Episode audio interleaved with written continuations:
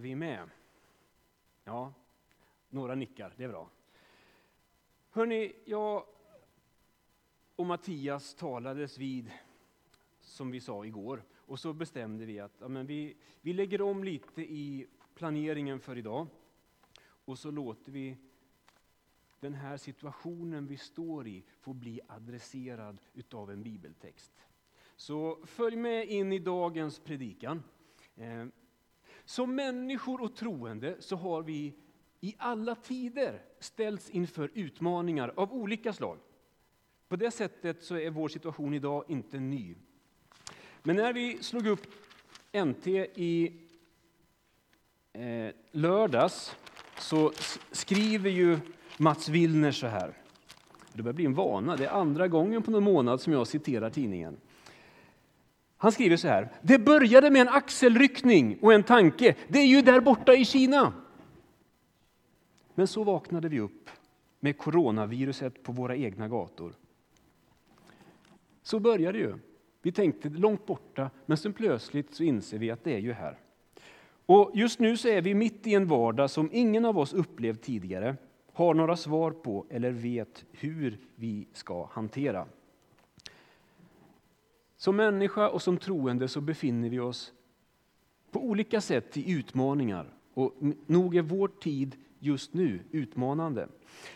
Och att följa Jesus gör inte livet till en seglats på lugna vatten. Så enkelt är det inte. Paulus är en av de här personerna i Bibeln som valde att ge sitt liv till Jesus och följa honom. Men det gjorde inte livet enkelt för honom heller. När han, vi ska se, om vi går till nästa slide, så när vi kommer till Apostlagärningarna kapitel 23 så Ja, det börjar redan i kapitel 21. Där börjar det bli rörigt och sen eskalerar det och blir till slut riktigt kaotiskt. Det är så här att Lukas berättar att när Paulus kom till Jerusalem så blev han igenkänd. En grupp judar från Asien hade också kommit till Jerusalem och de känner igen Paulus. Och de ställer till med en scen. De griper tag i honom och de hetsar upp en folkmassa med anklagelser om att den här Paulus han förvränger den judiska tron. Det hela urartar så totalt att den här mobben börjar faktiskt misshandla Paulus. Det blir tumult. Och, ryktet om det här når ju liksom vaktstyrkan i stan som omedelbart rycker ut, som agerar, griper in, går emellan och räddar Paulus liv.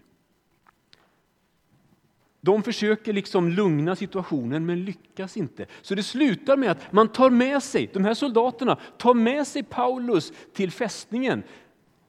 Dels för att skydda honom men sen också för att förhöra honom. Han slängs i en cell med bojor. Att leva med en tro på Jesus Kristus gör inte bara livet till en enkel seglats på lugna vatten.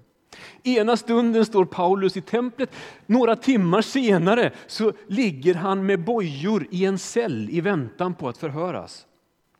Livet vänds upp och ner inom loppet av några timmar.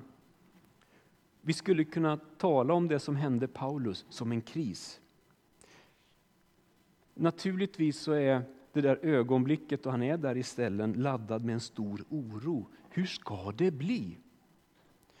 Det hänger ett påtagligt hot över Paulus liv. När han ligger där i cellen så läser vi i kapitel 23, vers 11. På natten stod Herren hos honom och sa. Herren stod där, Jesus, det är så vackert. Jesus själv kommer till honom. Och så säger han, och det är ett grekiskt ord som kommer där. Han säger tharsei. Och om man slår upp det här ordet tharsei så är det det är svårt att liksom direkt översätta det med bara ett ord. Det är ett ord med, ja, forskarna säger, ett brett semantiskt fält. Så det finns en hel radda med förslag på hur man kan översätta Farsej. På engelska, take courage. Är det inte vackert? Här kommer Herren själv. Och det han talar in i Paulus liv det är take courage, take heart, cheer up, var vid gott mod. Var inte rädd, var frimodig. Det där är vad Herren kom till Paulus för att säga. Och du som läser din bibel, det är värt att notera att vissa ord upprepas. Jesus själv han upprepar det här ordet vid flera tillfällen när vi läser evangelierna. Vid inte mindre än fyra tillfällen så blir Jesus, så säger han det här till enskilda personer och till gemenskaper. Och varför upprepar Jesus sig? Och svaret är naturligtvis självklart, för att vi behöver höra det. Vi är utlämnade åt omständigheter som vi inte råder över och våra omständigheter kan vara oroliga och kaotiska. Och i det läget så behöver vi människor, och har gjort i alla tider, få höra Jesus Kristus tala in i våra liv. Var vid gott mod. Var inte orolig, var inte rädd. Eh, du som har penna och papper med idag, du ska få nytta av det. Eh, när man läser evangelierna och kommer till Matteus 9, vers 1-2 så är det en lam man som firas ner framför Jesus. Han är i en utsatt situation, hans framtid är osäker. Jesus talar in i hans liv och säger var vid gott mod. Och så förmedlas förlåtelse och helande in i hans situation. Men den ska vi inte prata så mycket om idag. Jag radar bara upp de här lite kort så ni kan ta med och läsa själva. I Matteus 9, vers 20-22 så är det en kvinna som är sjuk, hon är trött, hon är utsatt, hon är ensam, som sträcker sig emot Jesus. Och när hon bara får röra vid honom så strömmar kraft in i hennes liv. Jesus vänder sig om och säger till henne, var vid gott mod. Eh. Johannes kapitel 16 och vers 33 så är lärjungarna samlade till den där sista måltiden med Jesus. Hotet hänger över dem, framtiden är osäker. Och när de sitter där och äter och ätit klart så säger Jesus till dem, mina vänner, var inte rädda, var vid gott mod. Texten som jag vill ta er med till idag, den hittar vi i Matteus evangeliet kapitel 14. Det här är det fjärde tillfället där Jesus talar in ord av hopp. Och jag tänker, vi, vi står upp tillsammans så ska jag läsa med dig från Matteus evangeliet kapitel 14. Det här är ju superkända texter. Det är välkända vatten för dig som är en bibelläsare. Men öppna ditt hjärta och låt Guds ord få nå in i ditt hjärta och din själ.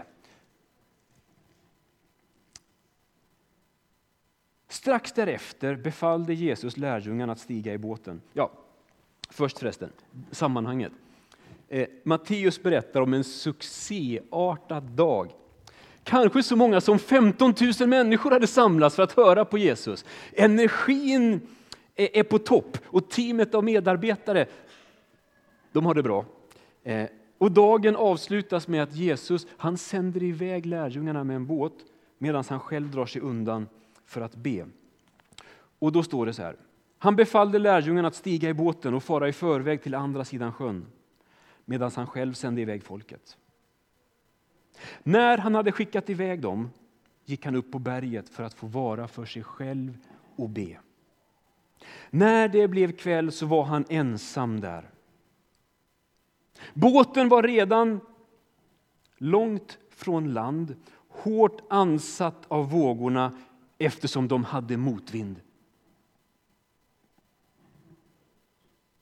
Mot slutet av natten så kom Jesus till dem, gående på sjön. Och när lärjungarna fick se honom komma där, gående på sjön, blev de förskräckta och sa, det är ett spöke. Och de skrek av rädsla. Men genast sa Jesus till dem, farsej, var vid gott mod, var lugna, take heart. Var lugna, det är jag, var inte rädda. Petrus svarade, Herre, om det är du så befall mig att komma till dig på vattnet. Och Jesus sa, kom. Så ber vi Gud att ditt ord skulle få landa i våra hjärtan. Kom helige Ande, upplys våra ögon, värm våra hjärtan. Amen. Varsågod och slå dig ner.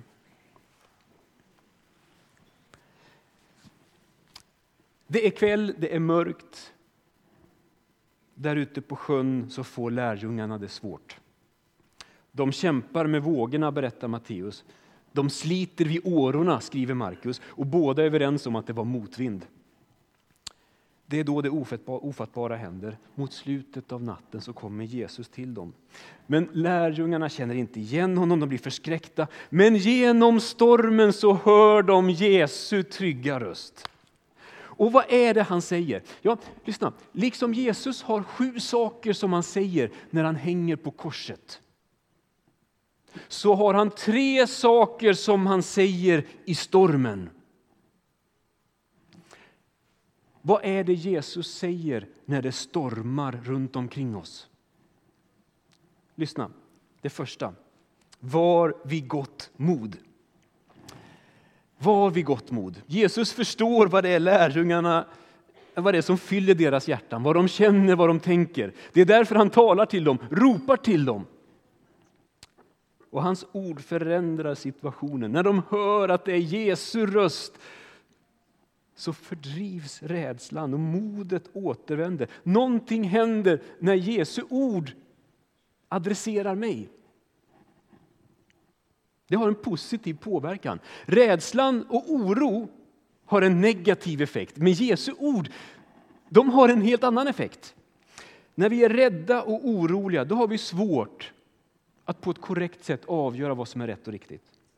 När vi är rädda och stressade och oroliga så har vi svårt att urskilja Guds närvaro mitt ibland oss. Magnus Malm han skriver så här. Rädslan blockerar vårt rationella tänkande genom att dra all energi och uppmärksamhet till en enda sak, att överleva. Därför innebär rädslan en effektiv mörkläggning av vår förmåga till urskiljning. Urskiljning som är, en avgörande, som är avgörande för att vi ska hitta rätt i livet. Rädslan gör också att vi inte känner igen Guds närvaro där vi bäst behöver upptäcka den, mitt i kaos.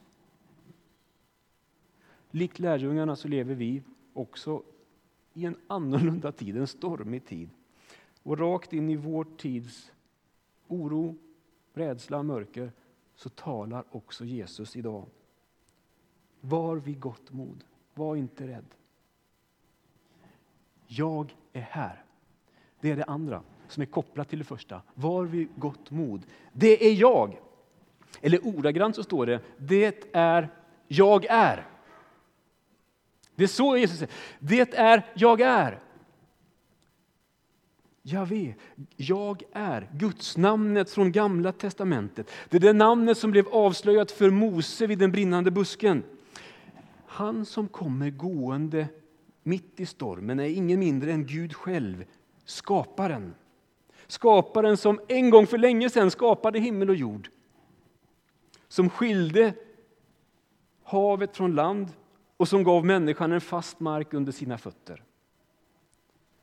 Att vi uppmanas att vara vid gott mod beror inte på att våra omständigheter är så gynnsamma, eller fördelaktiga eller positiva. Inte alls. Att vi uppmanas att vara vid gott mod det är kopplat till vad då? Till Guds närvaro. För den som har sett Jesus som anar att han finns där vid min sida, så förändras världen. Oron och rädslan smälter bort. Någonting annat ersätter som har med tillit att göra. Hoppfullhet. Som andas frid. Var vid gott mod. Jag är här, det är jag. Och så kommer det där tredje ordet. Ordet kom. Vi kan gå till nästa bild.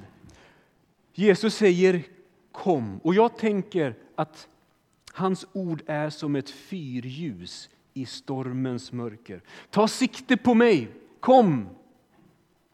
Försök inte att behärska stormen genom att ta kontroll över det som är kaotiskt, utan fokusera din tillit på mig.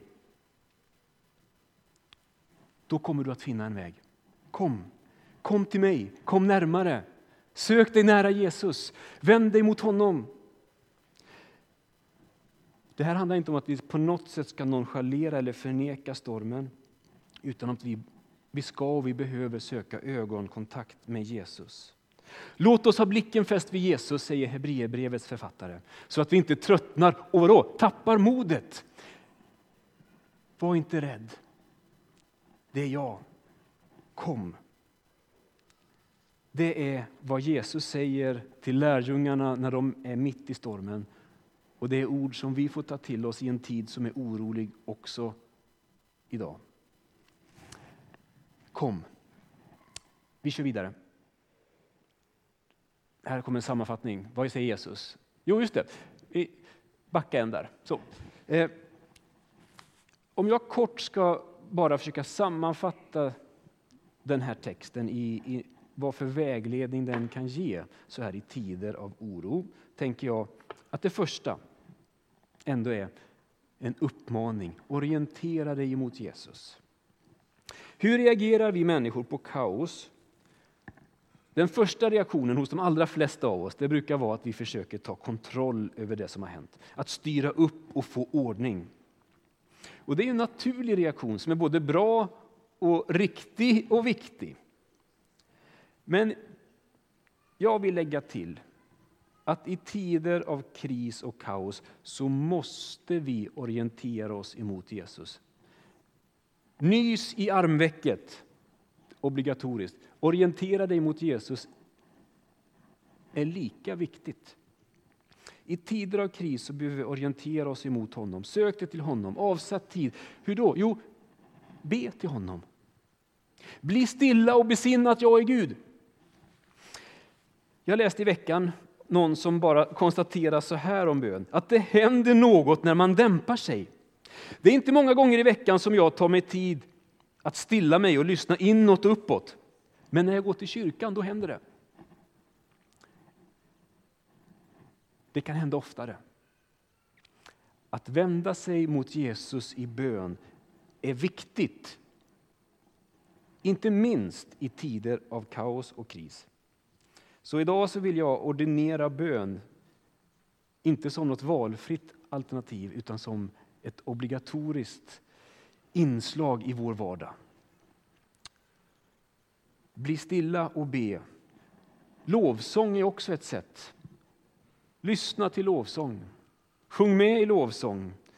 I bön och i lovsång så får vi välkomna Jesus i våra hjärtan. Och ett citat från länge sedan, en av förgrundsgestalterna i det samfund som vi tillhör. Emil Gustafsson sa för jättelänge sedan, och det här tycker jag är så vackert, att där ett hjärta förenas med Gud och vilar i hans kärlek börjar redan himmelriket. Det är stora ord, men de har något viktigt med sig. Där ett hjärta förenas med Gud och vilar i hans kärlek där börjar redan himmelriket. Orientera dig mot Jesus. Det andra tänker jag det är, bry dig om dina medmänniskor. Diakoni, att visa omsorg om de behövande och bry sig om dem som är utsatta. Det kännetecknar Jesus. Det är han som söker upp lärjungarna när det stormar. Diakoni har också i alla tider kännetecknat levande och växande kyrkor. Klostren i Europa gav inte bara mat och husrum till resande, utan man tog i allra högsta grad hand om och vårdade de sjuka. Många katedraler och kyrkor hade sjukhus i anslutning till kyrkan. Sen kom offentlig sjukvård och det där avvecklades på något sätt. Det gemensamma ordspråket genom hela medeltiden det var inte för sig själv utan för andra. Därför finns vi till. Inte för oss själva, utan för varandra. Nästa bild är inte tagen i en kyrka. Eh, Guds frid söver inte ner oss. Ingen sover vad jag kan se. Eh, ibland kan man behöva det. Men Guds frid söver inte ner oss, utan Guds frid väcker upp oss till ett engagemang. Lyssna, rädslan binder upp och förlamar, men Guds kärlek sätter oss fria till att tjäna varandra. att bry oss om varandra, att vara med och bära varandra. Och lyssna, i vår, vår kaotiska och komplexa vardag, det är den livsmiljö i vilken vi är kallade att vittna om kärlekens upprättande makt. Det är i vår kontext, sådan som den är, som vi i ord och handling får visa på Guds närvaro och omsorg. Visa hänsyn. Hjälp den som är sjuk. Som vi hörde Christian säga inledningsvis så kommer säkert många, många fler närmsta veckorna och månaderna att bli sjuka. Låt oss hjälpa varandra, allt från att handla till att komma med små matlådor, till att ringa och skypa. Det finns så många sätt vi kan bry oss om varandra. Orientera dig mot Jesus, bry dig om dina medmänniskor. Det sista, var inte rädd. En till. Gud finns vid vår sida. Vi tänker allt för ofta, jag märker det, att Gud finns i det tillrättalagda och det fridfulla. Men Bibeln gör det glasklart att Gud också, eller kanske oftast, är mitt i det stormiga och kaotiska och komplexa. Gud är inte långt borta från någon enda av oss.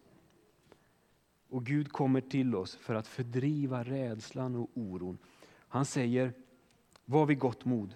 Hans ord är personliga och de fyller hjärtat med frid. Jag tror att flera av er har hört talas om sinnesrobönen. Har ni hört om den? Mm. Den första delen den lyder så här.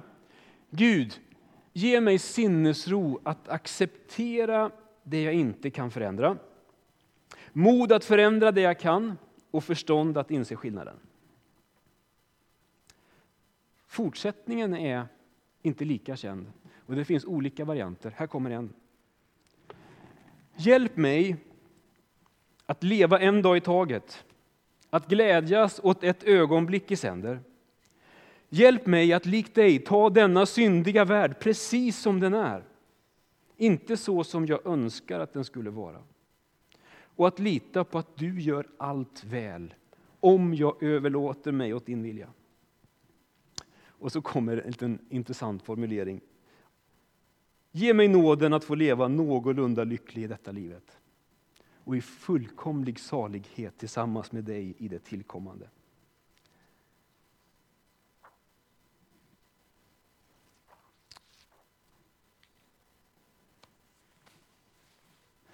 Alexandra, sjung för oss.